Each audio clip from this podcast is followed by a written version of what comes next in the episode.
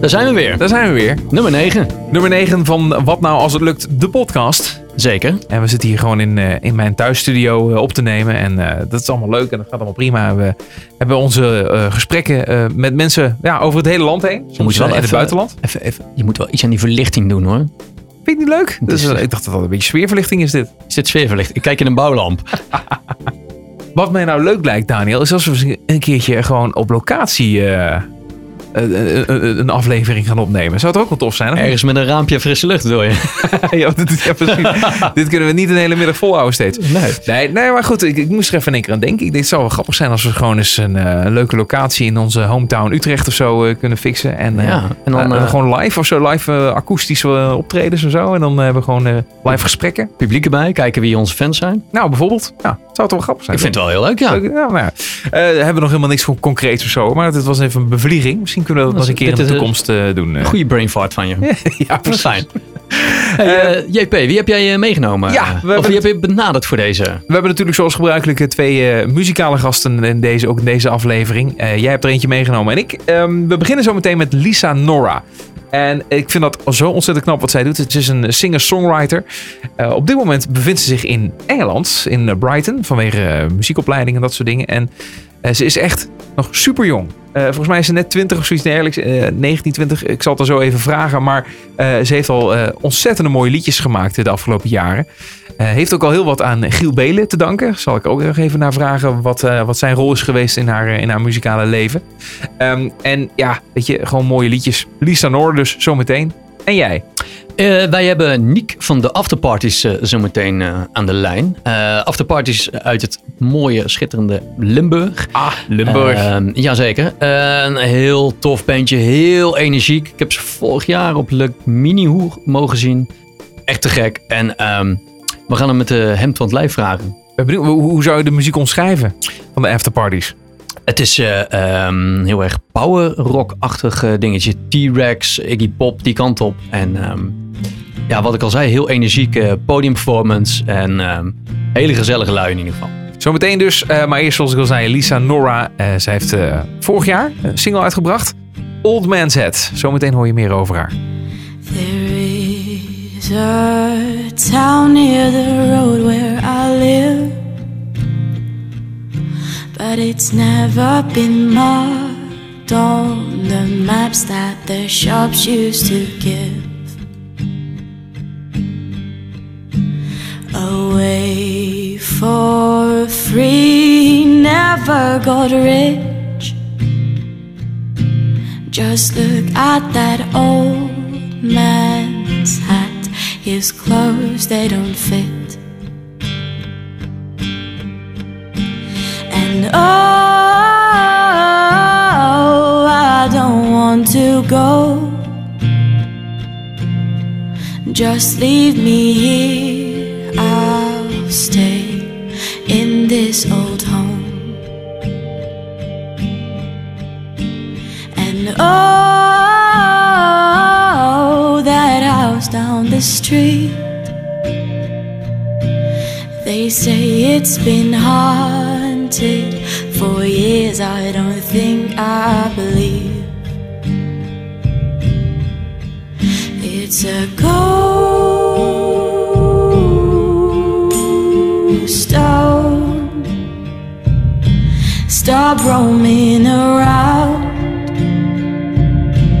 Do you hear that sound? It's a ghost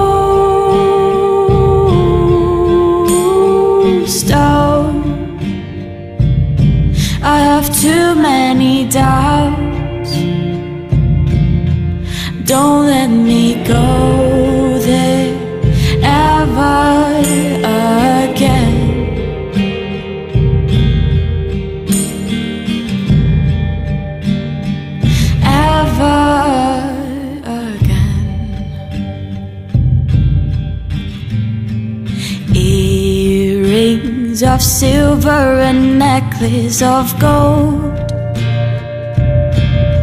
They aren't hidden under the things he has sold. The shops now close, I see the signs. Maybe that old enough things on his mind. And oh, I don't want to go. Just leave me here.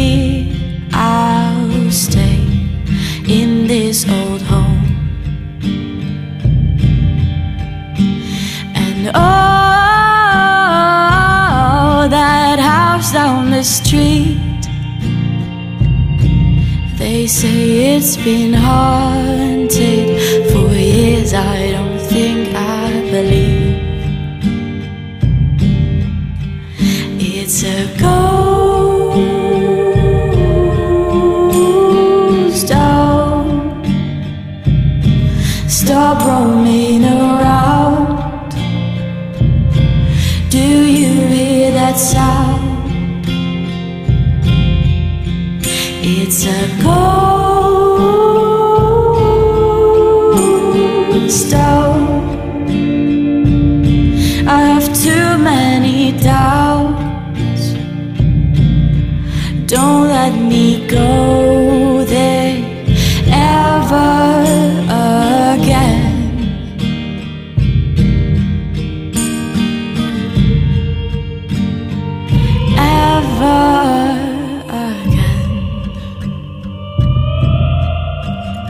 Ja, dit is mooi dit hoor. Ik vind dat, dat zij ons zo ontzettende mooie liedjes maakt. Lisa, Nora, Old Man's Head. En eh, nou, we hebben haar ook de gast in de, in de podcast. Hallo. Hallo, Hey, gezellig. Ja, klinkt toch wel gezelligheid bij jou daar. Waar, waar, waar zit je? ik zit, in, eh, ik zit in de common room van BIM. Dat is de eh, plek waar ik studeer nu in Brighton. Waar stond het ook weer voor? Eh, British Institute for Modern Music. En. Oh, Yes, dus, yes, eh, I remember. Yes. Eh, goed, we gaan het er even over hebben. Over wat je daar doet en, en, en nog veel meer over jou. Maar eerst, wat we altijd doen met eh, alle gasten in onze podcast. 20 seconden. Aha. 20 seconden vrijheid. Je krijgt alle zendtijd Ja, ja. om, eh, om het te vullen zoals jij zelf wil. top. Daar gaat de tijd nu in. Oké, top. Eh, nou, mijn naam is Lisa Nora. Ik ben eh, singer-songwriter. Ik kom oorspronkelijk uit Nederland, uit het oosten van het land. En ehm, ik heb eh, daar ook al wel aardig wat aan de weg getimmerd. Maar toen heb ik dus toch besloten om naar Brighton te gaan. En om hier te studeren. Eh, en ik hoop hier gewoon ja, meer namensbekendheid te creëren. Want ik heb het gevoel dat mijn audience een beetje hier zit. Dus eh, ja, dat Drie. is eigenlijk Twee, wie ik ben. Ja! Ja. Hey. Nou, het ijs is gebroken. Ja. Ja, nee, nee, je hebt eigenlijk al eh, meteen uitgelegd eh, waarom je daar bent. eh, dus dat, dat, daar hoef ik gewoon niet meer meteen naar te vragen. Hey, Nee. maar, ja, Lisa, nou, hartstikke leuk. Ik vind dat je, dat je hele mooie singer-songwriter liedjes maakt. Ja. En dat, is, dat is niet meer dan, dan, dan jij op een gitaar eigenlijk, hè, in, de, in de basis. Nee, ik wil het, ik, ik wil het ook gewoon ook expliciet gewoon heel erg puur en organisch houden. Dus daarom kies ik ook niet voor te veel eh, elektronische shizzle, zeg maar. Ja. Dus ehm, ja, ik wil het gewoon lekker puur houden. Lekker, lekker bij mijn roots, lekker wie ik ben. Dus dat, ja, dat doe ik ook. Probeer ik te doen in ieder geval. En dan de stap naar Engeland, want je zegt, hier zit mijn publiek meer. Ja, want ik heb, eh, ik heb het gevoel dat zeg maar, mijn lyrics ehm, ja, beter worden eh, begrepen door Engelsen, zeg maar. Ja, of mensen die heel goed Engels kunnen. Maar mijn lyrics die zijn zeg maar niet heel recht toe recht aan eh, I love you, eh, do you love me, weet je wel. Dus het is, meer, het is meer, ik maak heel veel gebruik van metaforen en zo. Dus het is gewoon, ja, op dat opzicht is het gewoon best wel eh, moeilijk of zo te verstaan voor sommige mensen. En ik heb het idee dat ik, ja, hier word ik echt geprezen voor mijn lyrics. Dat vind ik echt heel tof om, te, om, om mee te maken. Do- doordat je de muziek laat horen aan, eh, aan de mensen Ja. in en rondom je opleiding. Ja, het, was, het is echt heel grappig. Want ik moest hier eh, voor dus natuurlijk ook auditie doen voordat ik toegelaten werd. Ja. En toen speelde ik eh, twee van mijn nummers. En toen had ik mijn lyricsboekje bij. Ik heb zeg maar mijn, ik noem het altijd mijn Holy Bible. Maar dat, ik heb, dat is zeg maar gewoon een boekje. En daar zitten al mijn lyrics in van alle liedjes die ik ooit heb geschreven ongeveer. En ehm, die nam ik ook mee. En daar nam zij een kijkje in. En ze zei, dat was eigenlijk de eerste Engelse persoon die mijn lyrics onder ogen nam. En ze zei meteen van, oh wat, wat een mooie lyrics, wat een mooie woorden gebruik je, eh, bla bla bla. En ik was echt zo van, oh wat tof, weet je wel, om, om dat te horen van een Engels persoon. Want in Nederland heb ik wel eens meegemaakt dat sommige mensen zeiden van, ja, lyrics zijn echt moeilijk, ik snap ze niet, weet je wel. dus dus eh, ja, ik was echt heel verbaasd om dat hier zo uh, mee te maken. Maar ja, Ja. dus dat is eigenlijk een voorbeeld. Leuk, nou we gaan het zo nog even verder hebben over wat je daar allemaal doet en meemaakt en waar, waar het Yes. allemaal naar gaat, eh, naartoe gaat leiden. Maar even terug Mhm. naar, naar het begin, want wat is wat jij je kan herinneren van jouw eerste muzikale herinnering? Ehm, het begon een beetje met het feit dat ik... Ik hield heel erg van lezen van kleins af aan. Dus Ik las heel veel boeken. En ehm, ik vond, het, ja, ik vond de, de storylines vond ik altijd zo mooi. Eh, het, was, het was voor mij een beetje een soort van weggaan in een soort van fictieve wereld. Waar, waarin ik zeg maar kon eh, ontsnappen als het me even ja, te veel werd of zo. En ehm, toen dacht ik op een gegeven moment bij mezelf van ja, ik heb ook gewoon die gevoelens. En ik kropte ze allemaal op. Eh, dus ik dacht ik ga er gewoon een liedje over schrijven. Want mijn hele leven ben ik al omringd door muziek. Mijn ouders zijn muzikant. Eh, ja, dus mijn hele familie is gewoon een muziekfamilie, zeg maar. En eh, ik zong ook al wel, maar ik speelde nog geen gitaar. En ik had nog nooit een liedje geschreven. Dus ik dacht van ik doe het gewoon. Ik ga gewoon een liedje schrijven. Ehm, dat is mijn eerste, ook mijn eerste en enige Nederlandse nummer geweest.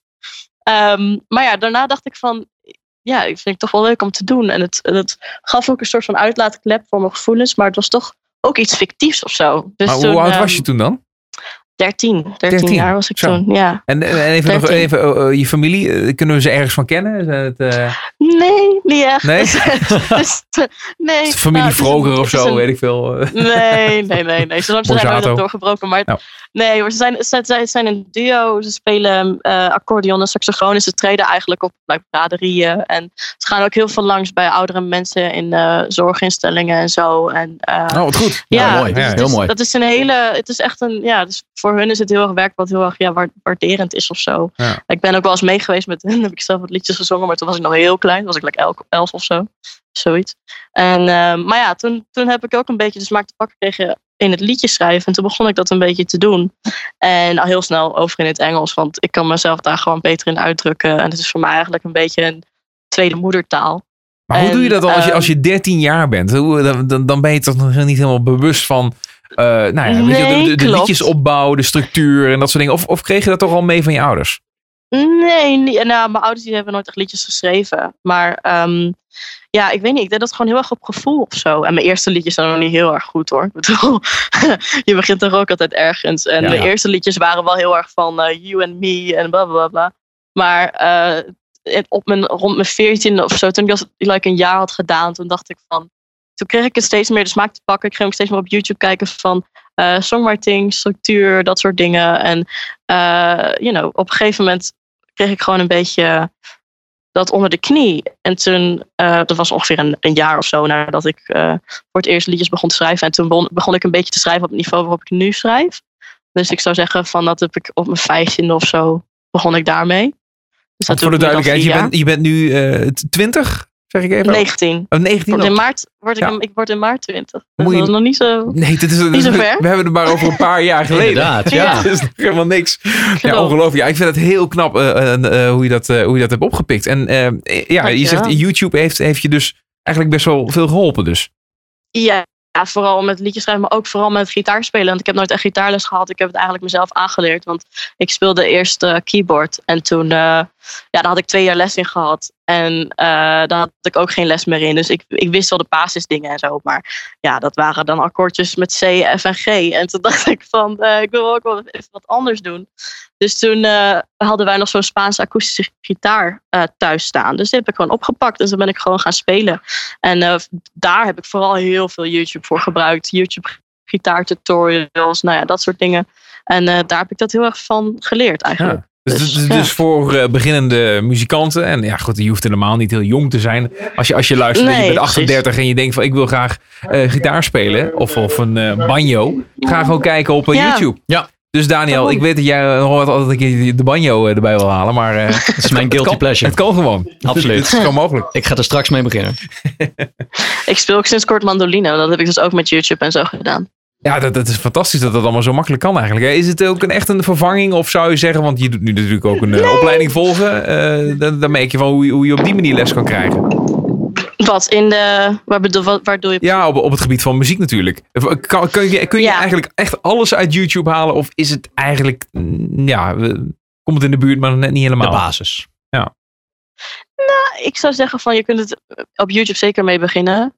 En, want er is op YouTube heel veel te vinden over like, songwriting structuren eh, en dat soort, Ja. dat soort dingen. Dus je kunt zeker een basis creëren. Maar het moet toch ook vooral een beetje uit jezelf komen. Want dat, was, ik- dat had ik vooral. Ik bedoel, in het begin deed ik echt alles op gevoel. En eh, ik doe nog steeds alles op gevoel. Dus eh, ja, het, het, begint, het moet gewoon uit je hart komen ook. Zeg maar. Het moet echt van jou zijn. En Ja. als je het daarin door wil zetten, dan moet, zou ik dat vooral aanmoedigen. Want het is echt leuk om te doen. Maar je bent nu eh, 19 en je zegt van, eh, nou, je was al be- eh, begonnen met, eh, met, met, eh, met muziek maken zo rond je 14, echt op een serieuze manier. Dan zit je op de Yep. middelbare school. En ik denk dat je dan eh, je middelbare school hebt afgerond. En je hebt nu vervolgens die stap gemaakt om naar Engeland te gaan, toch? Of zat er nog wat tussen? Ja, nee, dat was echt precies. Ik had mijn middelbare school afgemaakt en toen dacht ik meteen van ik ga naar. eh, nou, ik had eerst nog een jaar ehm, op Artes gestudeerd, heb ik ook songwriting gedaan. En toen, eh, maar toen dacht ik van ja, dit is toch niet waar ik hoor, want het is Enschede en ik woon in Enschede en ik kom uit Enschede, dus ik, ik groeide niet meer, echt, had ik het gevoel. Dus toen dacht ik van ik moet ergens, ergens anders heen verhuizen. Moet je natuurlijk of naar Amsterdam, want daar gebeurt het allemaal. Ja. Of gewoon naar het buitenland. En ik heb van jongens af aan wil ik altijd naar, naar Engeland. En toen eh, ging ik hier naar de open dag. En toen dacht ik van ja, dit is gewoon wat ik wil. En toen eh, heb ik mijn zinnen erop gezet. Heb ik alles eigenlijk in een maand of zo heb ik alles geregeld. En toen, eh, heel last minute was dat. En toen, ja, nu zit ik hier. Dus Ja, wel Ja, goed. want ja, heel veel artiesten zo die snel wij... kan het gaan. Ja, precies. Want heel veel artiesten die wij eh, gesproken hebben, die hebben Herman Brood Academie gedaan of eh, een andere opleiding. En waarom kies jij Ja. dan toch voor Engeland? Is dat op een hoger niveau of is dat, heb je dat bewust gekozen omdat je met de Engelse taal bezig wil zijn? Niet per se. Het is gewoon puur eh, met de Engelse taal bezig wil zijn. En omdat ik gewoon wil leren. Want als je in Engeland zit, dan word je natuurlijk 24-7 gewoon omringd door Engelse mensen. Dus je leert gaan er zoveel op vooruit. En je leert zoveel van andere mensen. Want ik zit hier natuurlijk ook gewoon met andere Engelse singer-songwriters. Ja. En die hebben zo'n andere, zeg maar, cultuur. Want die komen bijvoorbeeld echt van Engelse pop-punk-achtige indie rock eh, you know, achtergrond. En ehm, ja, dat, daar kom ik natuurlijk helemaal niet vandaan. Maar het is hier gewoon heel groot geweest. Ja. Dus eh, ja, dat is gewoon eh, heel tof om gewoon die cultuurverschillen te merken. Ook in de muziek. En je bent helemaal in je eentje daar, daarheen gegaan. En dat, dat is dat Ja. voor een 19-jarige, is dat nogal een dingetje zou ik me kunnen voorstellen. Ik bedoel, ik, ik was, in die leeftijd ging ik op kamers en dat was gewoon naar Breda. Dus Ja. dat was dat was lekker nog een beetje Nederland. Beetje veilig nog. Ja, een hè? beetje veilig. Maar, maar jij ging, Ja, eh, precies. maar jij maakt nu echt een, eh, een stap. Of, of, of heb je daar helemaal geen moeite mee? Nee, nee, nee, echt helemaal niet. Want eh, eh, ik zat met mijn ouders rond de tafel op een gegeven moment. En ze zeiden van ja, je moet het gewoon echt doen. Eh, ze waren gewoon heel supportive daarin. En toen dacht ik van ja, ik moet het ook eigenlijk gewoon echt doen. Dus eh, Ja. ja. En Daarna, daarna ook nooit heimwee of wat dan ook. Je kunt je helemaal je ding vinden eh, in je eentje toch wel daar in het, eh, in het verre Engeland. Ja, het, het gaat prima eigenlijk. Ja, Ja, natuurlijk nou, heb ik wel ja. soms heimwee, maar het is gewoon alleen echt heel, heel, heel soms. Maar Zover Ja. is het nou ook weer niet. Hè? Ik bedoel, voor twee tientjes Nee. heb je vliegticket of zo. Ja, dat, maar dat doe je niet elk weekend. Ik ging elk weekend ging ik weer naar huis, weet je wel. Ja, dat, is toch wel iets anders. Nee, maar dat wil ik ook helemaal niet. Ik wil ook niet elke weekend naar huis. Nee, oké. Ja, ja, helemaal geen zin in. Nee. Wel heel veel vrijheid genieten. Ik snap het wel. Ja, Ik vind het Ja, wel heel mooi wel in dit, eh, dat, dat je ouders je echt ook eh, stimuleren om dat te doen. Dat ze zeggen, ga maar Ja, naar het maar buitenland. bedoel, ja, maar ja, ze zijn natuurlijk ook muzikanten. Ze weten gewoon in dat geval gewoon wat het best voor me is. En ik heb mijn hele leven hun er al mee geïrriteerd dat ik naar Engeland wilde. En eh, als dan die kans daar is, dan Ja. zeggen ze dan Ja. ook natuurlijk van ga dan gewoon. Weet je. Dus eh, ja, dat Hey, gebeurt ook. En, en wat heeft eh, Giel Belen eigenlijk gedaan eh, in de afgelopen tijd? Want hij heeft ook een rol gespeeld in jouw Ja, muziekcarrière. hè? zeker. Een hele grote eigenlijk. Ja, want toen ik net begon met liedjes optreden ook. Gewoon, ik begon in oktober 2015. Toen ik 16 was, begon ik met optreden. Maar eigenlijk begin 2016 pas echt. En ehm, toen was er dus een, een talentenjacht opgesteld door Giel Belen. Ehm, dat was eigenlijk een soort van de beste singer-songwriter, maar dan op YouTube of zo. Ja, Dus, eh, ja, was en een op de beetje radio. de- Ja, ja, ja. het concept. En ehm, toen dacht ik van nou, eh, ik wil meedoen. Want ik wilde eigenlijk al meedoen met het vorige seizoen. van de beste singer-songwriter. Maar ik was 15, dus ik mocht nog niet meedoen. Dus, ehm, en toen werd het van de buis gehaald. Dus ik, ik helemaal sip. Maar goed, toen was eh, de Talentenjacht daar. Dus ik dacht van, nou, mijn kans. Dus ik, ik eh, zend mijn liedje in. En toen ehm, eh, werd ik er eh, uitgehaald, zeg maar, als, als een van de honderd beste of zo. Wat was het, honderd nog wat?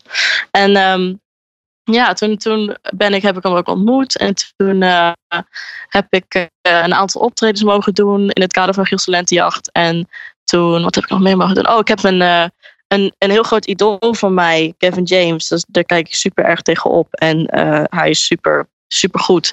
Een eerste singer-songwriter die eh, eh, bekend is van The Book of Love. Ken je waarschijnlijk Ja, wel. ja, Maar, ja, ehm, ja, mooi. mooi. ja, ja. En eh, daar, eh, eh, die heb ik dus ook mogen ontmoeten backstage bij Paradiso toen hij een show had. En dat had Giel eigenlijk een beetje zo geregeld. Dus daar ben ik hem echt heel dankbaar voor. Maar eh, ja, toen heb ik hem ook mogen ontmoeten. En ja, hij heeft gewoon heel veel, eh, heeft me heel ver gebracht. Ik ben uiteindelijk tot de top, eh, wat was het, 26 of zo gekomen. Dus, maar ja, dat was ook wel op dat moment een beetje goed. Want ik was heel druk met school en kon het eigenlijk allemaal niet eh behapstukken, zeg maar, allebei. Dus eh, ja, toen, dat was op een gegeven moment was het ook wel goed.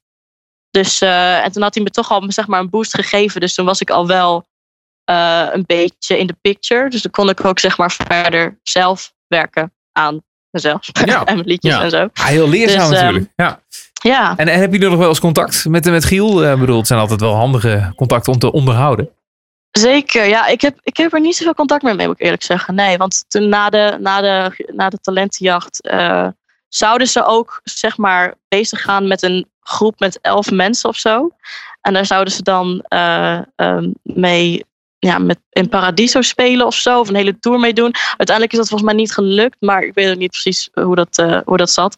Maar goed, ehm, nou ja, uiteindelijk heeft hij, hebben we eigenlijk niet meer echt contact of zo. Ja, maar Maar ja, goed, Ja. eh, niet, niet vergeten natuurlijk. Dus wie weet in de toekomst, precies. als je net nog even wat, wat iets doet of een liedje uitbrengt, weet je wel, waar, waar hij eh, wat in ziet, dan, eh, nou, dan weet hij in ieder geval Ja. wie je bent. Dat scheelt. daarom. Ja. Kun je zeggen dat, dit een, dat dat een soort startpunt van jouw muzikale carrière is geweest? Zeker. Dat, dat zou ik wel kunnen zeggen, ja. Want dat was wel echt toen ik eh, heel veel kansen kreeg. Toen ik ook een paar keer op de radio mocht spelen. En ja, dat, daardoor heb ik wel heel veel, ja, heel veel mooie kansen gekregen, zeg maar. Dus ja, ik zou het zeker wel kunnen zeggen, ja. Ja, en dat smaakt natuurlijk naar meer. Zeker, ja. Wat, wat zijn Ja. een beetje de toekomstplannen? Ehm, nou, ik zit nu dus hier in, eh, in Brighton. Maar ik wil heel graag. eh, ik ga een, een, een single release in de zomer. Ehm, en eh, daar ga ik nog niet zoveel over zeggen, maar die ga ik wel releasen. Dus eh, eh, dan komt er weer muziek uit. Dat is wel tof, want ik heb sinds april vorig jaar geen muziek meer uitgebracht. Dus ehm, die, die komt in de zomer uit. En voor de rest wil ik gewoon, ja, meer naamsbekendheid creëren. Ook hier meer optreden, veel open mics doen. Dat, dat is echt een ding hier. Heel veel open mics. En ehm, zo een beetje hopen de muziekindustrie in te rollen hier, zeg maar. Maar dan heb je het over Dus, de eh, Engelse eh, muziekindustrie dus. ja, maar ook gewoon, ja, ja, dat wel inderdaad. Ik heb het wel meer over de, Eng- de Engelse in muziekindustrie op dit moment. Maar het is wel gewoon, uiteindelijk wil ik gewoon internationaal. eh, dat is gewoon mijn doel eigenlijk. Om internationaal een bekende songwriter en performer te zijn. Dus Ja. Ja. ja, maar, ook, maar ook die voor anderen schrijft. Ik zou ook heel graag voor anderen willen schrijven. En met anderen. Ik heb nu een eh, co-writing sessie. eh, heel veel sessies gehad. En eh, ja, ik vind dat, dat toch wel echt ook heel erg leuk. Ja, voor wie Dus, zou je echt ehm, nou eens een liedje willen schrijven? Als je echt mag fantaseren. Mag iedereen oh zijn? god, daar heb ik nog nooit over nagedacht. Nou, daar heb je nog Maar, vast een ehm, keer over nagedacht. Nee, eigenlijk Nou ja, Kevin niet, James zou je maar- misschien nog wel leuk vinden als ik het al zo, zo ja, hoor. ik, nou, ik zou sowieso met hem samen willen Met- schrijven. ja, dat zou ik ja. echt heel tof vinden. Ed Sheeran lijkt me echt tof. Dat is gewoon mijn all-time eh, idool, zeg maar. Ed Sheeran, ja. Wat is Ja. er zo goed aan En, Ed Sheeran? Ja, hij heeft me een beetje ook eh, in het eh liedjeschrijven gekregen. Want ik, eh, ik hoorde zijn album Plus, was dat nog. ja. En toen dacht ik van, dit is echt tof. Eh, het was zo puur, zo mooi, zo eh, zeg maar recht vanuit zijn hart. En hij zette eigenlijk gewoon zijn gevoelens op papier. En dat vond ik gewoon heel tof. En dat concept wilde ik eigenlijk ook uitdragen. En daardoor ben ik ook mede ook liedjes gaan schrijven. Dus ik heb heel veel aan hem te danken qua eh, muziek en zo. En ehm, ik heb ook heel veel van zijn liedjes op gitaar gespeeld. En ja, daar ook gewoon op geoefend. Dus ehm, Ah. ja, ik denk Ed Sheeran ook vooral. En wie nog meer? Ehm, er is een uh, Ierse singer-songwriter, Hozier. Vind ik ook tof. Ja. Echt gaaf. Van eh Take Me to Church, je Ehm, zei toch? Je zit wel op het goede eiland eh, wat dat betreft. Nou ja, oké, voor Ierland moet Ja, je heel eventjes nog een bootje pakken. Maar je zit in ieder geval richting in die buurt. Want ja, Ja, Ed. Ed Sheeran die loopt daar natuurlijk ook rond. En Hozier. En eh, god ja, Ja. de- de- de- Engeland eh, is natuurlijk wel een, eh, een land waar dus heel veel inspiratiebronnen van jou eh, rondlopen. Dat is Dus- zeker waar. Maar hoe lang wil je in Engeland dan blijven? Want als je echt een beetje succes wil maken, moet je daar wel ook veel tijd in investeren. Ja, dat is zeker waar. Ik, heb, ik ben echt een persoon die leeft bij de dag. dus ik heb nog niet echt eh, gekeken naar wat ik ga doen als ik hiermee klaar ben. Maar Want wanneer ben je, na een eh, jaar ben je klaar met de opleiding, toch? Of niet? eh, nee, drie jaar. Want, oh, drie jaar. Oh, dus je, zit sowieso nog drie jaar in, in Engeland, in Brighton. oh, hopelijk, ja. Ja, als ja. de brexit eh met Oh, ja. toelaat. Oh, dan, ja. ja, dus eh, hopelijk wel. En eh, daarna, ja, dat weet ik niet. Misschien komt er wel een hele mooie kans om de hoek kijken in mijn tweede jaar of zo. En die pak ik dan of zo, weet je. Het is gewoon, het, is, het hangt er heel erg gewoon van heel veel factoren af. Dus ik zou het nog niet durven zeggen wat ik daarna ga doen. Maar ik, zit, ik ben hier nu heel gelukkig. En ik probeer hier gewoon nu, eh, ja, ook gewoon net te netwerken met veel mensen. En En wat op te bouwen. gewoon Ja. eh, Ja, het lijkt me op ook te heel, bouwen, ja. ja, het lijkt me heel inspirerend. Want je, je zit daar natuurlijk op een opleiding waar heel veel muzikanten zitten. Dus je wordt Zeker weten. beïnvloed en Ja. geïnspireerd van alle kanten, lijkt me. Maar ook echt heel veel muzikanten. Want ik was eh, op Artes zat ik met eh, vijf songwriters of zo in de klas. En hier zijn er negentig. Ja, precies. dat, dat is het verschil. Dus eh, eh, het is gewoon helemaal op grotere schaal. En dat betekent dat er natuurlijk ook veel meer concurrentie is. Maar ja, die lat moet je gewoon op een gegeven moment ook hoger leggen voor jezelf, vind ik. En ik ben best wel iemand die daar naar streeft. Dus ja, voor mij is dat niet zo'n probleem. En eh, ook de stad. De stad is zo mooi. Je zit aan de zee. Het is zo inspirerend, vind ik. Eh, Gewoon überhaupt de stad op zich al.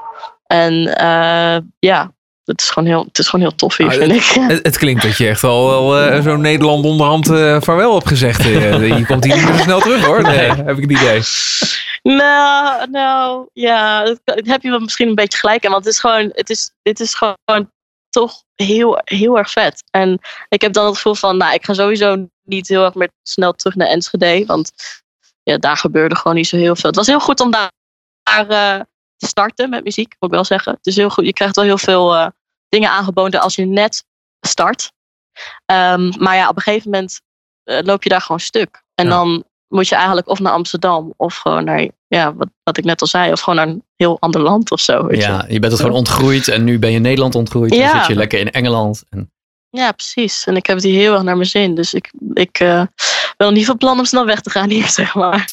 Ja, en dan tot, tot slot, want we moeten langzaam een beetje afronden. eh, wil ik nog heel even over je, over je eh, songteksten hebben. Want je eh, schrijft inderdaad, nou ja, alsof je, alsof je al in de 50 bent of zo. Ik weet niet. Dat je, weet je, alsof je al zoveel levenservaring hebt. noem jij haar nou een oude ziel? Weet je wat, nou ja, eh, misschien wel een beetje. Want ik vind het wel knap. Veel mensen noemen mij een oude ziel. Hoor. Ja, nou ja, ja, dat, dat, dat geloof Ja, ik ook ja. wel. Want het liedje wat, wel, wat, dat krijg ik wel vaak. wat, wat ik heel mooi vind, eh, dat, eh, dat heb je al een tijdje terug al uitgebracht. Like a Stone is dat. Eh, Ja. Die draaien we dan nu toevallig niet. Ehm, maar Nee. daar, je, moet, moet je zeker even checken op eh, Spotify bijvoorbeeld. Want eh, daarin Zeker. maak je een, eh, een, metafoor met eh, een steen die naar beneden rolt. En dat, dat is een metafoor voor je relatie wat, eh, wat niet goed gaat, Ja. toch? Eh, als ik het zo goed Ja, zeg. ja, ja het, is, het is een metafoor voor zeg maar, hoe je zelf bent mentaal. En dat het steeds slechter gaat omdat je relatie een beetje naar de knop is. Dus Ja, nou ja, dat, ja, dat ik soort- had dat toen nog helemaal geen relatie gehad. Dat is het ironische ervan. Het Dat ironische is van het hele verhaal. Maar ik dacht van, ik schrijf er gewoon over, weet je wel. Ja, je moet er maar voor andere opkomen. mensen goed. Nou ja, je zei net natuurlijk al eh, in het begin dat je heel veel hebt gelezen. Dus ik kan me voorstellen dat je daar heel veel inspiratie uit haalt. Ja, dat is ook zo natuurlijk. en daardoor Maar- textueel ook eh voor. Maar als, al- toen ik als 16 of al 14-jarige, dan was ik er echt niet mee bezig met dat soort dingen. Weet je wel? Dat, dat, dat- Nee? dat- nou, Nee. ik kan me niet even voorstellen. niet dat ik het op papier zou kunnen zetten, maar dat vind ik heel knap. En net zoals bijvoorbeeld dan Old Man's Head, dat hebben we net eh, gedraaid. Wat, wat zit daar Ja. dan in? Ehm, dat is eigenlijk gebaseerd op een fictief verhaal, wat ik een beetje heb eh, verzonnen. Maar het gaat eigenlijk over een oude man die woont ehm, ergens in the middle of nowhere. En ik dacht eigenlijk een beetje aan Ierland toen ik het schreef. Echt gewoon echt in the middle of nowhere. En ehm, hij heeft een eh, eigen tankstationnetje en dat is het. En hij is gewoon best wel blij met ja, zijn leven. En hij hoeft niet zoveel te hebben om eh, gelukkig te zijn. En dat is een beetje wat, waar dat om, om, om draait, zeg maar. Ja. En Ja. in het refrein heb ik het dan over een ghost town. Dat is een soort van sub subject, eigenlijk, een subonderwerp. En dat gaat er eigenlijk over dat hij daar is opgegroeid, maar iedereen is er weggegaan. Dus er is eigenlijk helemaal niks meer. Dus daar wil je ook niet meer naartoe. Maar ehm, hij is gewoon blij met waar hij nu zit. En eh, ja, hij is gewoon blij met wat hij heeft. En je hoeft niet Ja. zoveel te hebben. En, en eh, we gaan Yes. afsluiten met eh, Where Does Time Go? Nou, leg Yes. dat dan ook even uit. Where Does Time Go? Where Does Time Go is eigenlijk mijn meest persoonlijke nummer, denk ik, dat ik ooit heb geschreven. Het gaat over mijn oma. Die is ehm, in, wanneer was het? 2015, denk ik, overleden aan, eh, aan kanker. En ehm, toen heb ik het nummer voor haar geschreven, want ik wist dat ze, ze, eh, ik wist dat ze eh, euthanasie ging plegen. Dus ik dacht van, op een gegeven moment wist ik dat het de laatste dag was dat we haar zouden zien. En toen dacht ik van, dat was twee dagen van tevoren of zo kreeg ik dat te horen. En toen dacht ik van, nou, dan schrijf ik er maar een liedje over, want ik wil haar niet vergeten. Dus toen heb ik dat nummer geschreven en toen heb ik dat nummer ook voor haar gezongen. En dat heeft ze allemaal nog lekker meegekregen. Dus dat was wel echt even, even heel fijn. Dus ehm, eh, ja, ook op de crematie gespeeld. En ik vond het gewoon zo'n persoonlijk nummer dat ik het gewoon op de EP heb gezet als een ode aan haar, zeg maar. En eh, ja, het is nog steeds een van mijn eh, meest persoonlijke nummers ooit. En het betekent heel veel voor me eigenlijk. Dus ja, Mooi verhaal. daar gaat Zo, nou Ja. mooi hoor. Zo. ja. Het- Dus eigenlijk gaat het nummer erover van waar de tijd heen gaat als je het niet beseft. Want ze was eigenlijk al twee jaar ziek. Maar ja, we beseften het niet zo, want ze ging niet heel snel achteruit. Maar de laatste paar maanden ging het wel heel snel achteruit. En toen bedacht ik me van, oh, wat? Weet je wel, dat, dat heb je gewoon niet door of zo. Ja. En op het laatste is het dan heel erg eh, realistisch. Ja. Zeg maar. Mooi, mooi zeg. Ja, nou, dat, Ja. dat, heel erg depressief eh, einde zo op deze. Nou ja. eh, nou ook wel mooi toch? Dat is hartstikke mooi dat- nee, einde. het is ook mooi natuurlijk. Nee, heb je helemaal gelijk in. Nee, dat Ja. is ook zo. Ik, ja, en dat, dat wat ik al zei, Lisa, ik vind het heel knap eh, de- dat je op die manier al eh, hele mooie liedjes kan schrijven. En textueel is, is het echt heel mooi, maar eh, ook melodieus eh, klopt het als een bus. Eh, Dankjewel. Weet dus- je wat Giel Belen die zei over mij? Van, eh, dat het leek alsof ik een eh, volwassen Ierse vrouw had ingeslikt. Ja. Als het ging om mijn songwriting. Dus ja, ik weet niet eh, of het waar is, maar you know. Ja, nou ja, ik, ik, snap het wel. Ja, wel goed. Ja, Hou dat vast. En eh, ik ben eh, heel Ja, benieuwd waar, je, waar je nog allemaal mee, mee gaat komen de komende periode. Ik in ieder geval die nieuwe Ik muziek ook. natuurlijk. En nou ja, Ja. Ik, ik, ik, ja, over vijf jaar een samenwerking met Ed Sheeran, een duet. Dat zou toch mooi zijn, toch? hopelijk. Ja. Zou top zijn. We ja. gaan je volgen. En, ik heb het idee dat er nog wel veel eh, te gebeuren staat. Ja, en in de meantime gewoon natuurlijk in de zomer mijn, eh, mijn nieuwe single. Ja, Dus ja, ja ben ik hou ons op de hoogte. heel erg excited over. Ja, maar meer dan Ja. dat mag je er niet over zeggen, eh, begrijp ik. Nee, nee, helaas. Nou, helaas. Dat, dat, dat, eh, Nou, jammer dan. jammer. Nou, dan. jammer. Hey, we houden je in de gaten. Lisa, dankjewel voor je tijd. En heel veel succes daar in Brighton. Dankjewel, hè. Dankjewel. Super bedankt. Where does time go? Where does time go when I'm with you?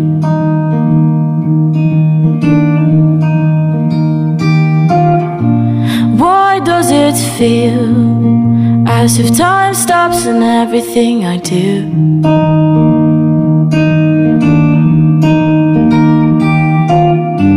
I want to know what I've to do.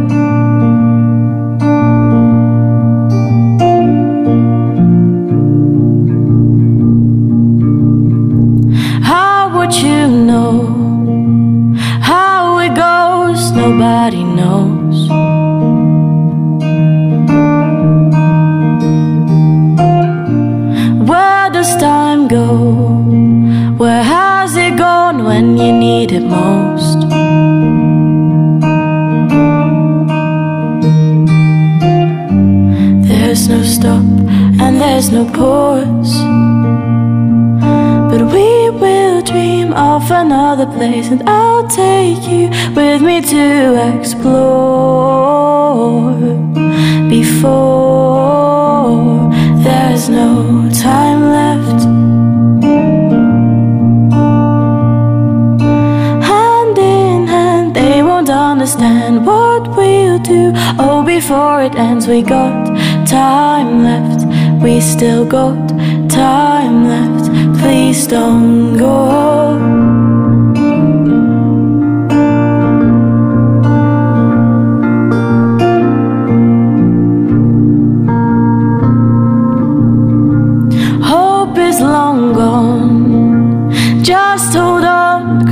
Life is short.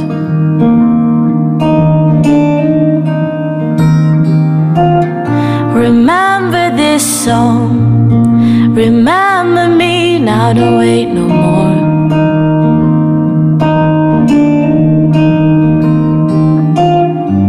Time goes on, there's no before. But we will dream of another place, and I'll take you with me to explore. Before there's no time left. Hand in hand, they won't understand what we'll do. Oh, before it ends, we got time left. We still got time left.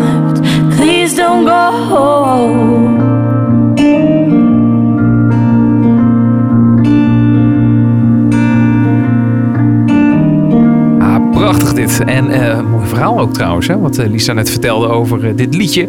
Where Does Time Go? Over haar oma die overleden is. En dat ze net op de valreep van haar leven. Klinkt een beetje gek, valreep van Ja, haar wat leven. bedoel je daarmee? Ja, nou ja, de laatste dagen van haar leven. Ah.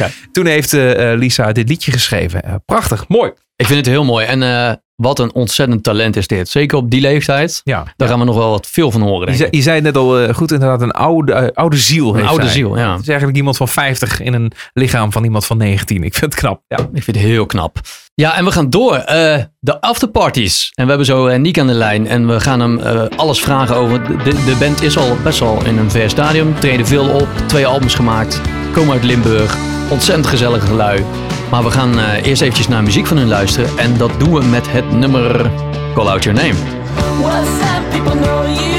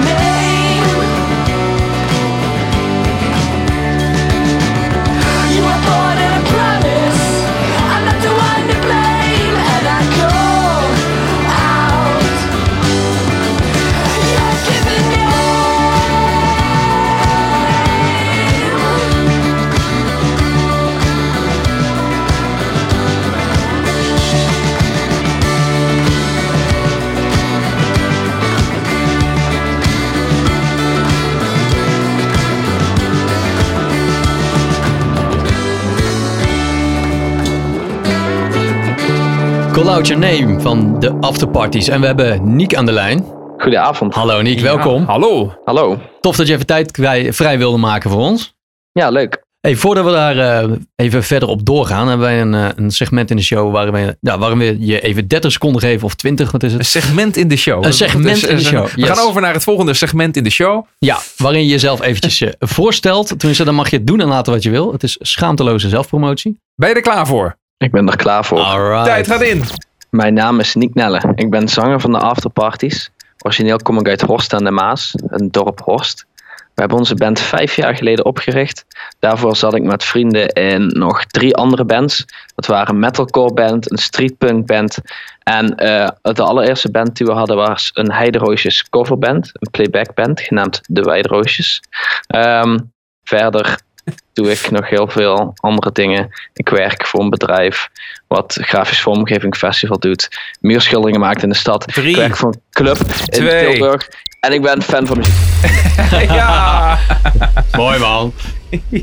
Zeg maar bijna precies wat op mijn LinkedIn staat geloof Dat heb je volgens mij letterlijk opgelezen. Ja, inderdaad ja. Nee, dit heb ik uit mijn mouw geschud. Oh wel. En volgens mij eh, zag ik ergens ook in je bio staan dat jullie, eh, eh, ja, dat- dat- dat- dan omschreef je de provincie waar je vandaan kwam als de, de minst cozy province of the Netherlands of zoiets dergelijks. Klopt dat?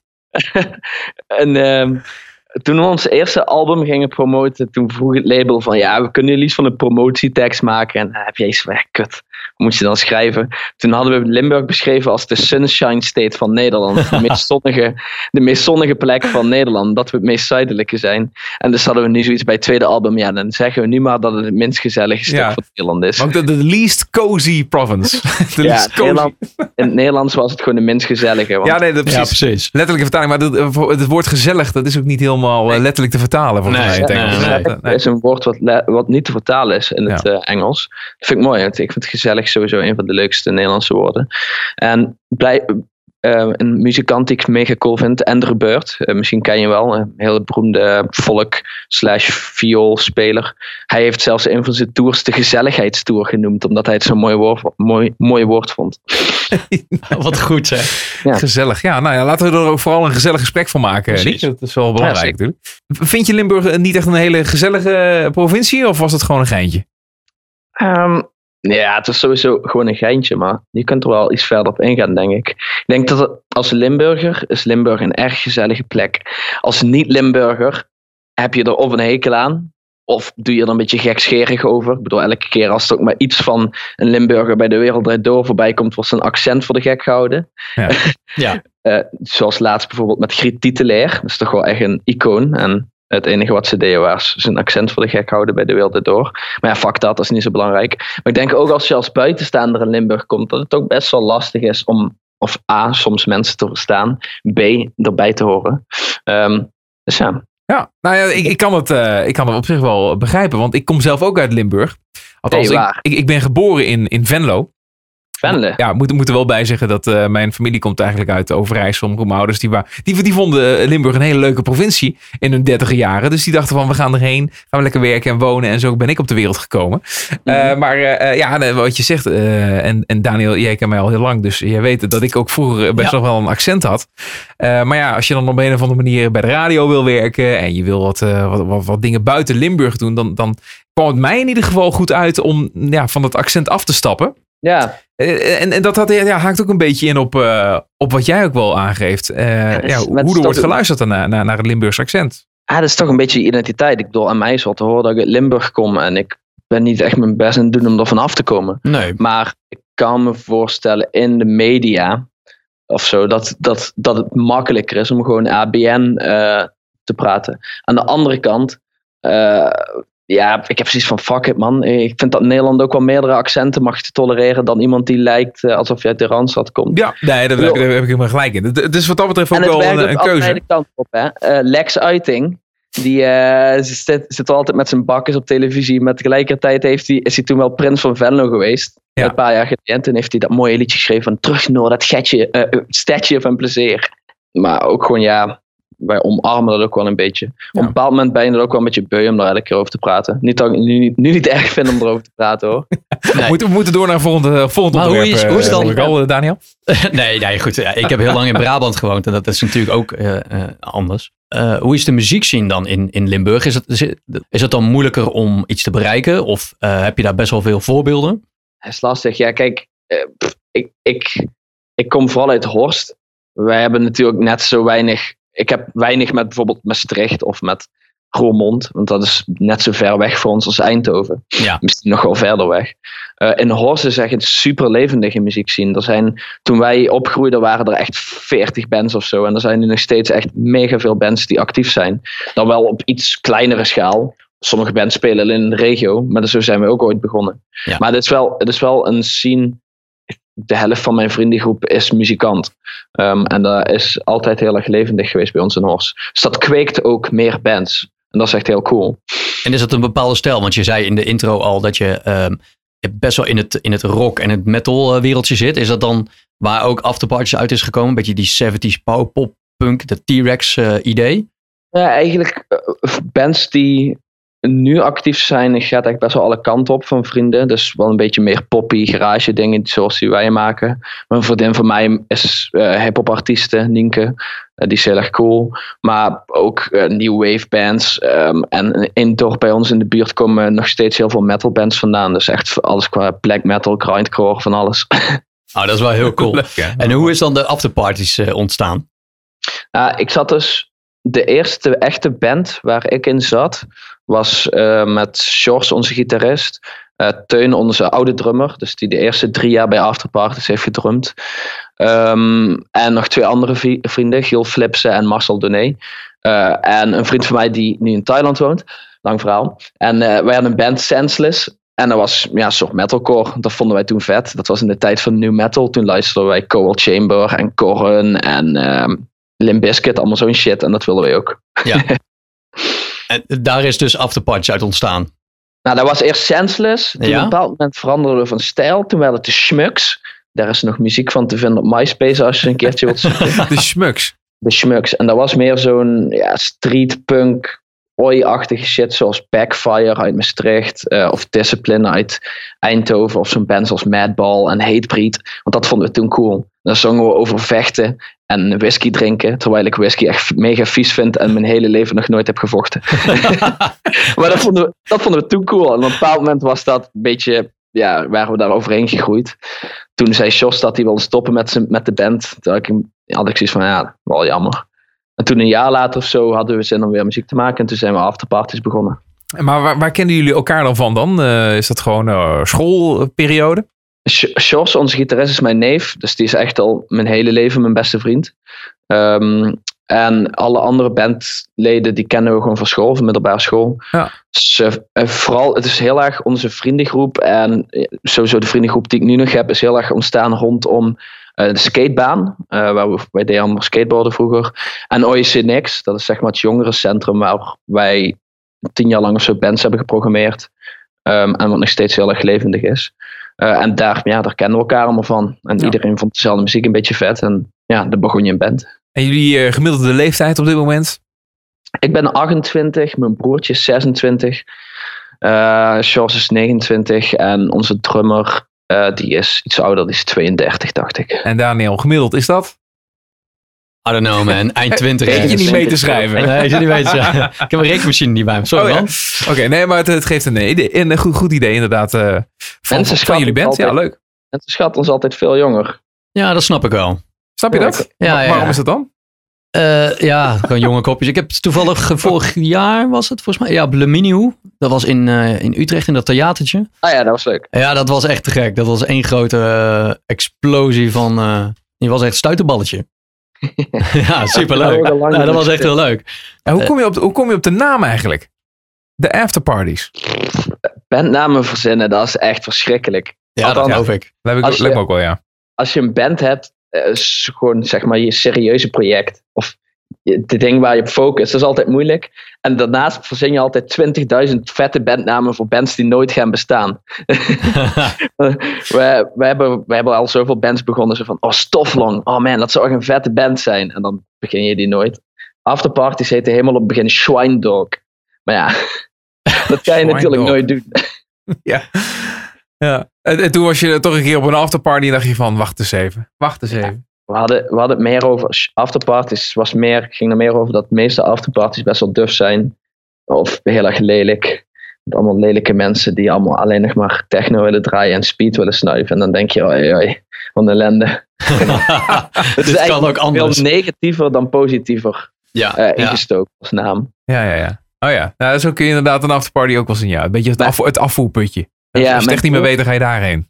Mijn broertje en ik kijken wel vaak, we, we belanden nog wel vaak op afterparties. Ik bedoel, als het gezellig is, wil je gewoon niet naar huis en dan ga je gewoon nog ergens heen waar mensen zijn. Ja. Mijn, mijn broertje en ik kijken altijd rond hoeveel A-lijsters er nog zijn. Dus je echte goede vrienden. En als, er, als het ratio A-lijsters tegenover vreemdelingen krom is, dan gaan we. Zo van, fuck, er is echt niemand meer die leuk is. We gaan naar huis. En dat draaien we hem. Dat is best wel een goede tip Dat trouwens. een hele formule erop loslaten, ja. Ja, je moet gewoon kijken hoeveel mensen zijn echt goede vrienden en hoeveel zijn gewoon echt willekeurige mensen die je nog nooit hebt gezien of die je eigenlijk niet moet. En dat taai je hem gewoon. Oké. Dat is wel mooi, maar dat, dan ben je dus eigenlijk alleen maar, eh, ja, je wil je, je vrienden om je heen hebben. Maar goed, jij zit in de muziekwereld en eh, daar zit natuurlijk ook wel een, een factor aan vast, dat daar ook best wel wat dingetjes, nou, niet helemaal lopen zoals je wil, of een beetje nep zijn. Hoe, eh, hoe ga je daar dan mee om? Eh, ik denk het fijne is, en daar hebben we het best wel vaak over met de band. ehm, ik heb altijd in band gezeten met mensen die ik daarvoor en naast die band ook mega goed ken. Ja. En bevriend mee ben. En ik heb dat nooit anders gehad. Dus voor ons is zeg maar, in de band zitten ook gewoon hangen met je vrienden. Want als wij repeteren, gaan we daarna gewoon met dezelfde mensen naar de kroeg. En die zie ik sowieso elk weekend of we nou repeteren of niet. Dus het is ook altijd gewoon gezellig. En daar, kijk, dat hoeft niet vitaal te zijn voor of jouw band goed is of niet. Of wat je kunt bereiken. Maar dat maakt het voor jezelf wel echt zoveel leuker. Ja, zeker. Als het, Ja. En als het, als het voor jezelf leuk is, dan volg, gaat daaruit, in ieder geval voor ons, best wel ehm, simpelweg dingen gewoon goed of leuk. Of zo van, oh ja, laten we dit doen. Oké, cool. En, en wonen jullie allemaal nog eh, in en rondom eh, Horst? Ehm, ik woon in Tilburg. Mijn broertje woont sinds kort weer terug in Horst. Die is met zijn vriendin terug naar Horst verhuisd. Uh, onze gitarist Jos woont in Eindhoven. En onze bassist en ehm, onze drummer wonen ook in de regio Horst. Ja, ja. Ja. ja zou, je- zou je zeg maar op het moment als dat, dat zou moeten en eh, je kunt stappen maken met, eh, met de band en het wordt misschien wat serieuzer allemaal, zou je dan zeggen van ja, we gaan eh, naar de Randstad omdat het daar misschien wat meer gebeurt? Bijvoorbeeld. Eh, ik denk niet naar de Randstad. Kijk, Nederland is best wel klein. Je hoeft niet per se in de Randstad te zitten om shows te spelen. Nee. We hebben best wel een paar serieuze jaren gehad dat we echt veel hebben gespeeld, grote festivals. We hebben ons eh, vorige album opgenomen in Amsterdam. Ehm, album 2 hebben we opgenomen bij Jan Schenk. Die zit aan een supermooie studio aan, eh, ja, aan het water ergens in Amsterdam. Ik wist nog niet eens waar we zaten. En we hadden een producer uit Amerika. Ja, toen konden we niet elke dag terug, heen en terug naar Horst. Maar dan, ja, dan zit je daar gewoon tien dagen. En dan is hij af. Ja, oké. Ja, Dus dat- precies. Het gaat Ja. allemaal vrij, Bedoel- vrij snel allemaal. Ja, Tegen- ja. Tegenwoordig zijn dingen best wel flexibel. En voor een band is het dan nog lastiger. Maar bijvoorbeeld, stel je bent hip-hop artiest. Fuck man, dat kun je vanaf overal doen. Ja, Ja. ja. dat is ook zo. Ja. ja, ik moet altijd denken aan het verhaal van Raccoon. Want die eh, hij kwam natuurlijk uit, uit Zeeland. En dat is toch ook wel. Dat is volgens mij echt wel het verste plekje van, eh, van Nederland. Met name vanwege bereikbaarheid. Want eh, de snelweg houdt op een gegeven moment op. dan moet je, en dan moet je de provinciale wegen op. En dan duurt het lang voordat je in één keer thuis bent. Eh, maar goed, zij kwamen eh, heel vaak eh, tegen het probleem aan van ja, we moeten weer helemaal weer terug naar, naar, naar, huis en noem maar op.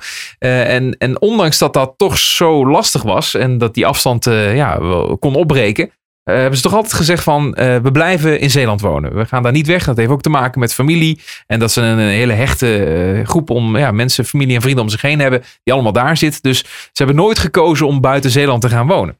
Nou, dat, ik vind dat ook, dat heeft misschien in, in de loop van hun carrière wel eh, ja, dingen tegengehouden op een bepaalde manier. Weet je wel? Ze hebben misschien wel kansen laten liggen. Dat zou kunnen, maar ik denk dat wat Niek zegt, dat ook wel waar is. Weet je wel? Nederland is zo'n klein landje. Je bent, zo, je bent Ja, overal. Tegenwoordig is het natuurlijk al stukken makkelijker. Ja, dat, Ja. dat is ook Kijk, wel zo.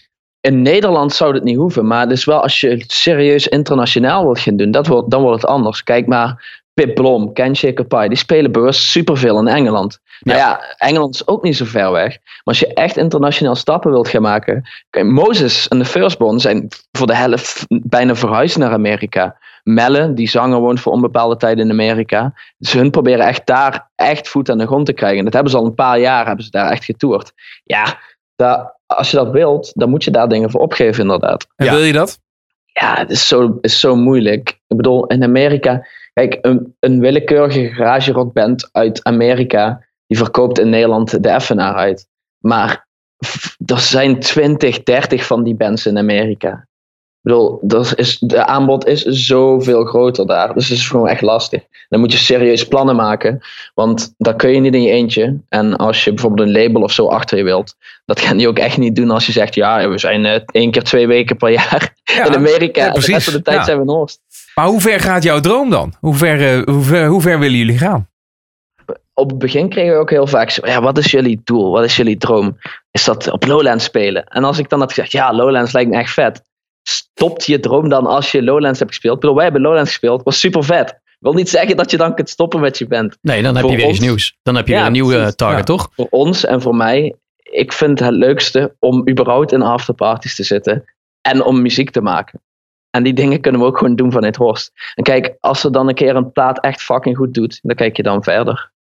Ja, oké, maar ik, ik doel dan op, eh, op, op dromen. Hè? Op, eh, dan kan het gewoon zijn dat je zegt van nou, eh, dat is het. Hè? De- ik, ik hoef niet meer dan, dan wat er nu eigenlijk is. Ik Mhm. moet denken aan het gesprek wat we met het band Lone Wolf hebben gehad eh, een tijdje terug.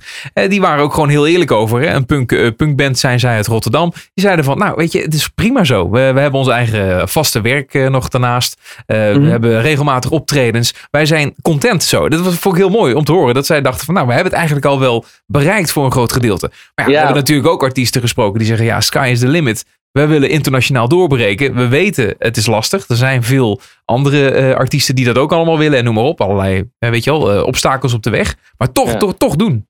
Proberen. Ja. Ik, ik denk dat het twee, allebei een beetje is. Content zijn is heel belangrijk. Want ik ben ook mega blij met onze band. Ehm, maar het moet ook niet voelen alsof je zoiets zegt van, ah, wel goed zo, weet je wel. dat klinkt zo. Nee, Dat klinkt wel... zo- zo. Ja, Dat klinkt alsof je zondag niet meer van de bank af wilt komen. Dus van, ah, wel goed. ja precies.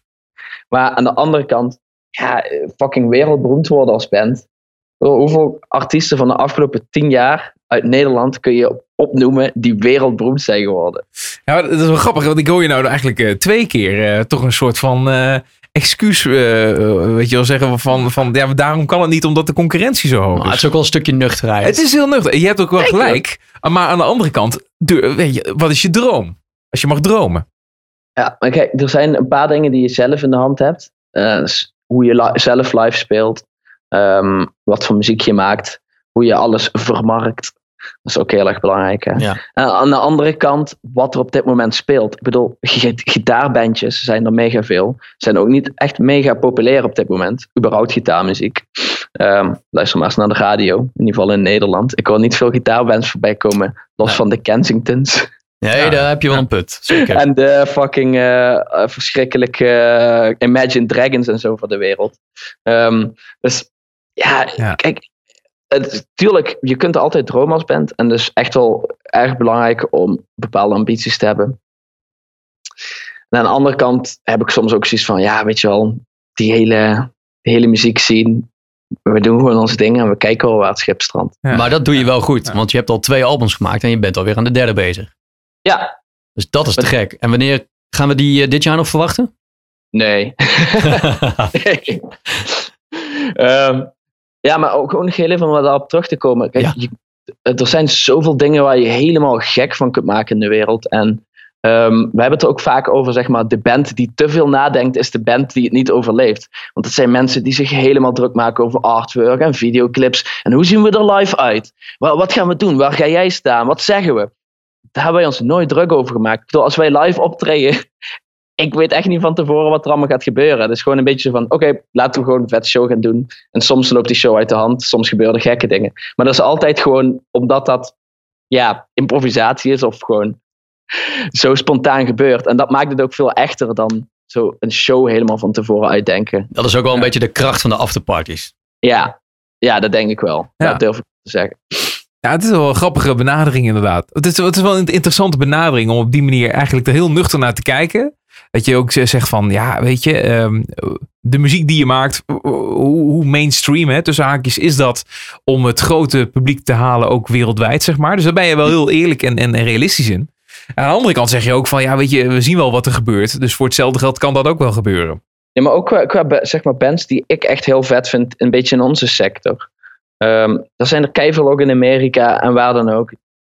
Die ook echt maar, eh, weet ik veel, 20.000 streams op, op, eh, op Spotify hebben. Die Ja. zijn fucking cool, maar die komen ook misschien nooit in Europa. Ja, dat maakt die band niet minder vet. Het is gewoon Nee. dat, die, dat die exposure van die band gewoon veel minder is. Ja, nee, daarom. De, de mensen die erachter staan, het marketingteam, het Ja, ja, label, en op. Ja, daar heb je helemaal gelijk in. Ja. Maar- zijn er, zijn er ehm, eh, de grote namen hè, die nu wel al, al door zijn gebroken, om het zo maar te zeggen, eh, die, die heel erg in jullie straatje liggen, waarvan je zou zeggen van, ja, ja, als het dan gebeurt, dan willen we daar wel daarop lijken.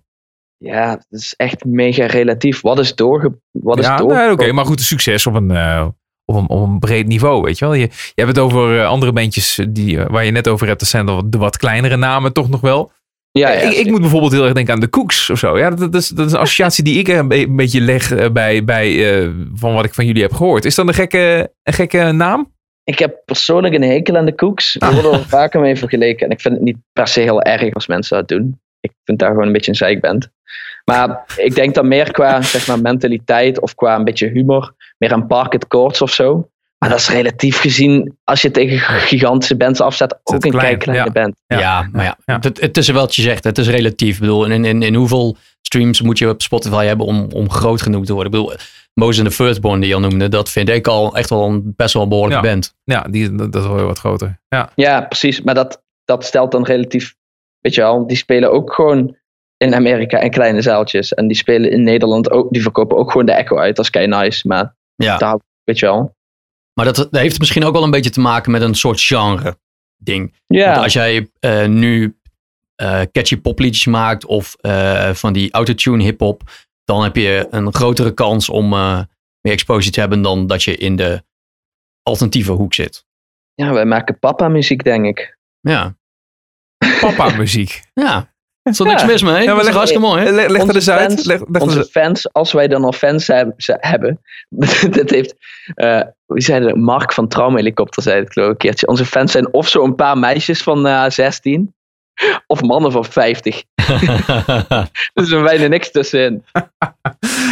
Papa muziek. Wat grappig. Ja, eh, maar, maar ik snap Daniel wat je zegt. En dat kan ook wel eh, een van de dingen zijn die eh, bijvoorbeeld zo'n Lone Wolf bandje eh, waar ik het over had eh, aan moest denken. We zitten in de punk scene. En dat is natuurlijk ook, ja, als je dan in, in de mainstream eh gedachten zit, eh, wat moeilijker genre. Dus ja, dan moet je misschien ook niet de moeilijkste dingen gaan, eh, gaan dromen. Als je weet dat dat gewoon heel erg lastig gaat zijn om, eh, om met die muziek weer een stapje verder te willen ko- komen. Met, dat is het stomme. Kijk, ik denk dat er ook heel veel mensen in de muziek zitten met. Ja, het heet ook, ik vind het ook wel flauw, maar verkeerde, verkeerde bedoeling of zo. Want als je een band hebt om daar mega beroemd mee te worden. eh, eh, Ja, ik weet niet, man. Daar vertrouw ik nooit helemaal. Ik luister ook heel veel metal. Een van mijn allerfavorietste bands ooit heet Krellis. Dat is een prog-rock black metal band uit Amerika. Dat klinkt al moeilijk en die muziek is echt totaal ontoegankelijk voor 99%, 99,9% van de wereldbevolking. Als je dan 100 mensen laat horen, zeggen 99 dat het teringherrie is. En die anderen vinden het misschien een beetje leuk. Ik luister die band echt het hele jaar door. En die spelen in Amerika voor zalen van 50 mensen. Maar toch, op internet, in bepaalde niche sites, wordt, wordt die band geroemd als een van de allerbeste bands in wat ze doen. Die gaan, die gaan ook nooit op Lowland staan of fucking eh, de grote festivals van de wereld. nee, ja. Het is wel muziek en dat geldt voor heel veel eh, niches. Dus black of het nou black metal is, of noise, of hele gekke experimentele elektronische muziek. Daar moet je een klein beetje ehm, getrainde luisteraar voor zijn. Dat klinkt dan fucking pretentieus. Ja, maar je moet ja, vaak naar muziek hebben geluisterd om dat enigszins te kunnen doorgronden. Maar dan als je dat, dat is wel muziek die heel veel teruggeeft om vaak te luisteren. Want ik, ik luister ook veel Blondie of Iggy Pop of zo. Maar ik ga niet honderd keer achter elkaar eh Hard of Glass van Blondie opzetten. Maar wel honderd keer achter elkaar Krellis. Ja, precies. Maar is het dan, wil je dan met de afterparty ook een beetje in die hoek duiken? Dus het, Mm. dat, dat, niet per se dat het heel moeilijk moet zijn, maar dat het echt voor de liefhebber gaat worden. Mm, nee, want ik, afterparties is gewoon wel toegankelijke popmuziek. En dat is gewoon ook echt mega leuk om te maken. Ik zou sowieso zelf nooit extreem moeilijke muziek kunnen maken, want daar ben ik niet muzikaal genoeg voor. Hmm. Ik bedoel, toen wij met afterparties begonnen, was ik de gitarist. Maar we na twee keer, na twee keer repeteren kwamen we er wel achter dat dat niet ging werken. toen heb ik mijn broertje erbij gevraagd en die is nu onze gitarist. En die schrijft eh, het grootste gedeelte van onze liedjes. Dus Leuk zeg. vaak Hey. moet je ook toegeven dat je iets niet kunt. Ja, ja, nee, precies. Ja, dat is nee, helemaal prima? Ja, nou, maar dat, dat, is, dat is eigenlijk, en daar gaat deze hele, hele discussie waar we nu eigenlijk over hebben ook voor een groot gedeelte om. Want dit is een stukje zelfreflectie en zelfkennis. En niet alleen voor jezelf als muzikant, maar ook voor ben, als band zijnde hè, en de, het genre waarin je je beweegt. Dat je, dat je weet waar je, waar je eigenlijk mee bezig bent en, eh, en, waar, en waar je het dan eventueel voor doet. Ja. Heel leuk. Eh, en, en, ja, Ja, is ook echt, sorry, dat is ook echt heel erg een cliché, hè, maar je moet vooral ook leuk vinden wat je doet. Want voor, zeg maar, voor de rest van de wereld hoef je het niet te doen. Er zijn al genoeg bands. Hey, En, de, en de, de muziek die je schrijft, want hebben bijvoorbeeld, eh, we hebben net eh, um, eh, Call Out Your Name en we gaan zo afsluiten met Life is Easy. Wa- wa- wat zit daarachter qua, qua teksten? Wa- wa- Waar, eh, waar moeten we aan denken? Ehm, nou, de- ik, ik vind tekstschrijven, vond ik vroeger in mijn vorige bands altijd verschrikkelijk. Maar daar was sowieso de helft van de tekst niet te verstaan, dat ik het deed schreeuwen, dus dat was fijn. Ehm, maar bij afterparties vind ik dat wel heel erg leuk. Het enige wat ik vaak heb is toch niemand luistert tekst. Ehm, ben ik bang. En dat komt omdat ik zelf van de helft van de muzikanten die ik luister ook niet echt de tekst luister. Maar er zijn een paar artiesten waar ik wel heel erg actief de tekst van luister. Eh Park It Course bijvoorbeeld, vind ik echt mega goede teksten hebben. Ehm, en vooral Joanna Newsom, zij is een eh, har- harpist. Ehm, ik ben een gigantisch fan van haar. En zij heeft heel veel ja, referenties en gekke woordspelingen in de tekst. Ik vind het fijn als een tekst heel veel kleur of woorden heeft die ja, meer zijn dan zinnen die je al duizend keer hebt gehoord. Ja, ja maar, maar, maar vertel je dan een verhaal of zo? Of wat, wat wil je daarmee overbrengen? Ja, het, het soms- gevoel, maar, maar ja, dat kan niet zomaar met lukrake woorden. Ja, soms wel. Uh, de Life is Easy is heel, heel licht gebaseerd op eh, eh, zo'n super verschrikkelijke eh aanrandingszaak in Amerika, waarbij zo'n jongen die bij een zwemteam zat, zo'n meisje had aangerand s'nachts en er in een steeg had achtergelaten. En ze hadden hem gepakt. En toen tijdens de rechtszaak had die vader van die jongen die dat had gedaan, een brief geschreven. Zo van, ah, echt verschrikkelijk. Hij kan nog niet eens meer fatsoenlijk eten. En eerst had hij altijd biefstuk en hij raakt nu niks meer aan. En toen had ik zoiets van, "Yo, dat meisje, haar leven is verpest. En jij bent shit aan het schrijven over dat je zo niet meer in het zwemteam mag zitten en niet meer goed kan eten. Over die rare tegenstellingen in de maatschappij. En dat klinkt dan meteen super zwaar. en ik vond het ook heel erg eh, opportunistisch om daar dan weer een tekst over te gaan schrijven. Want dat is dan meteen weer zo politiek. Maar ik vond het wel een heel mooi en triest verhaal. Ja, En zo, zo is dan Life is Easy dan eh, een beetje eh, sarcastisch bedoeld. Ja, dat is gewoon een beetje Ja. schoppen. ja deels. Maar het was ook wel deels. Toen was ik aan het schrijven. Toen dacht ik, ja, dan zit ik hier. Dan zit ik hier in mijn ouderlijk huis in Limburg. Met een goede jeugd. Met, een middel, met eh, goede, goede ouders. Een tekst te schrijven over zo'n verschrikkelijke gebeurtenis. Waar ik eigenlijk niks mee te maken heb. Los van dat ik het op het internet heb gelezen. Ja, Life is Easy. Ja. Ja. Ja. Ja, bijzonder. Ja, ja, ja. Hey, eh, we moeten afsluiten. Laten we dat ook gewoon meteen doen met Life is Easy. Ik vond het een, een ontzettend leuk gesprek. Eh, het, het ging alle kanten op. Maar, eh, ja, maar heel veel verhelderend en ook verfrissend hoe jij eh, in die muziek staat. En hoe jij met de band, eh, ja, hoe je met de band te werk gaat. Ja, volledig anders. De, eh, nuchter en eh, bekeken. En eh, een geheimpje. eh, Misschien vind ik over muziek praten nog wel leuker dan muziek maken. Kunnen we nog wel een keer een af- aflevering aan wijden, denk ik. Ja, ja, precies. ja, ja. Dankjewel voor je tijd. En ik zou zeggen heel veel succes. Ja, jullie ook. Speel nog wel een linkje van die black metal band. Ja, doe dat alsjeblieft. Ik ben heel benieuwd. Oké, Hoi! doei.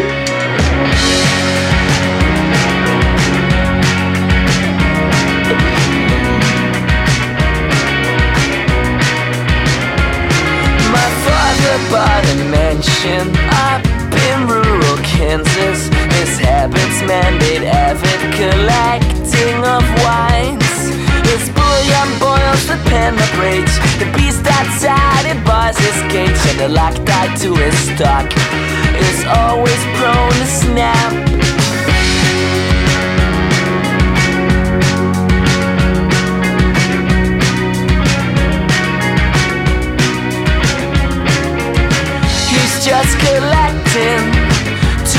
He's just collecting to help forget him. the emptiness that brings him down. Or this sun, please come around. Yeah, you don't really need to die.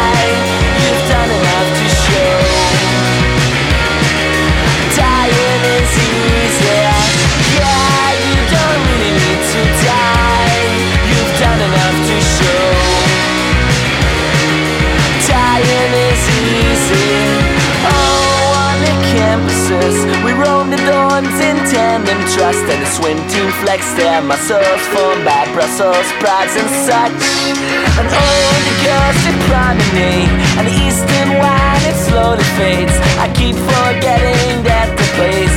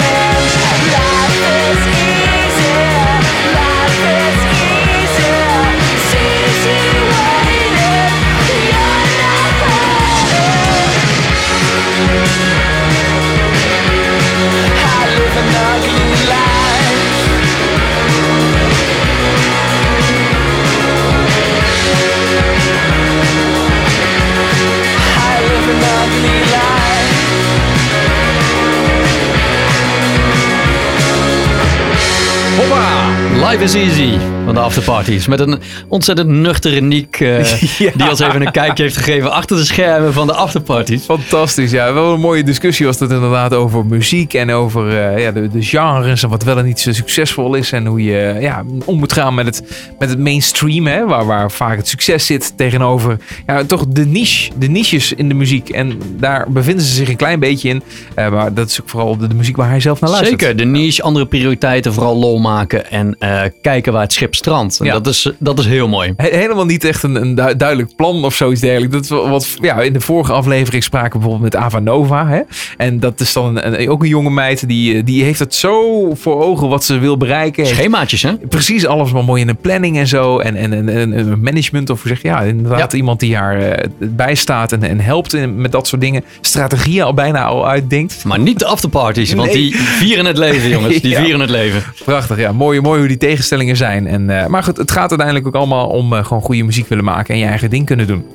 Dat is absoluut waar. En ik krijg, ik krijg net een berichtje van hem binnen en dan zal hij weer een of andere vage band doorgestuurd hebben. Dus ik ben heel benieuwd wat dat is. Even lekker eh, standje grasmaaier. Dat Ja. soort eh bandjes. Nee.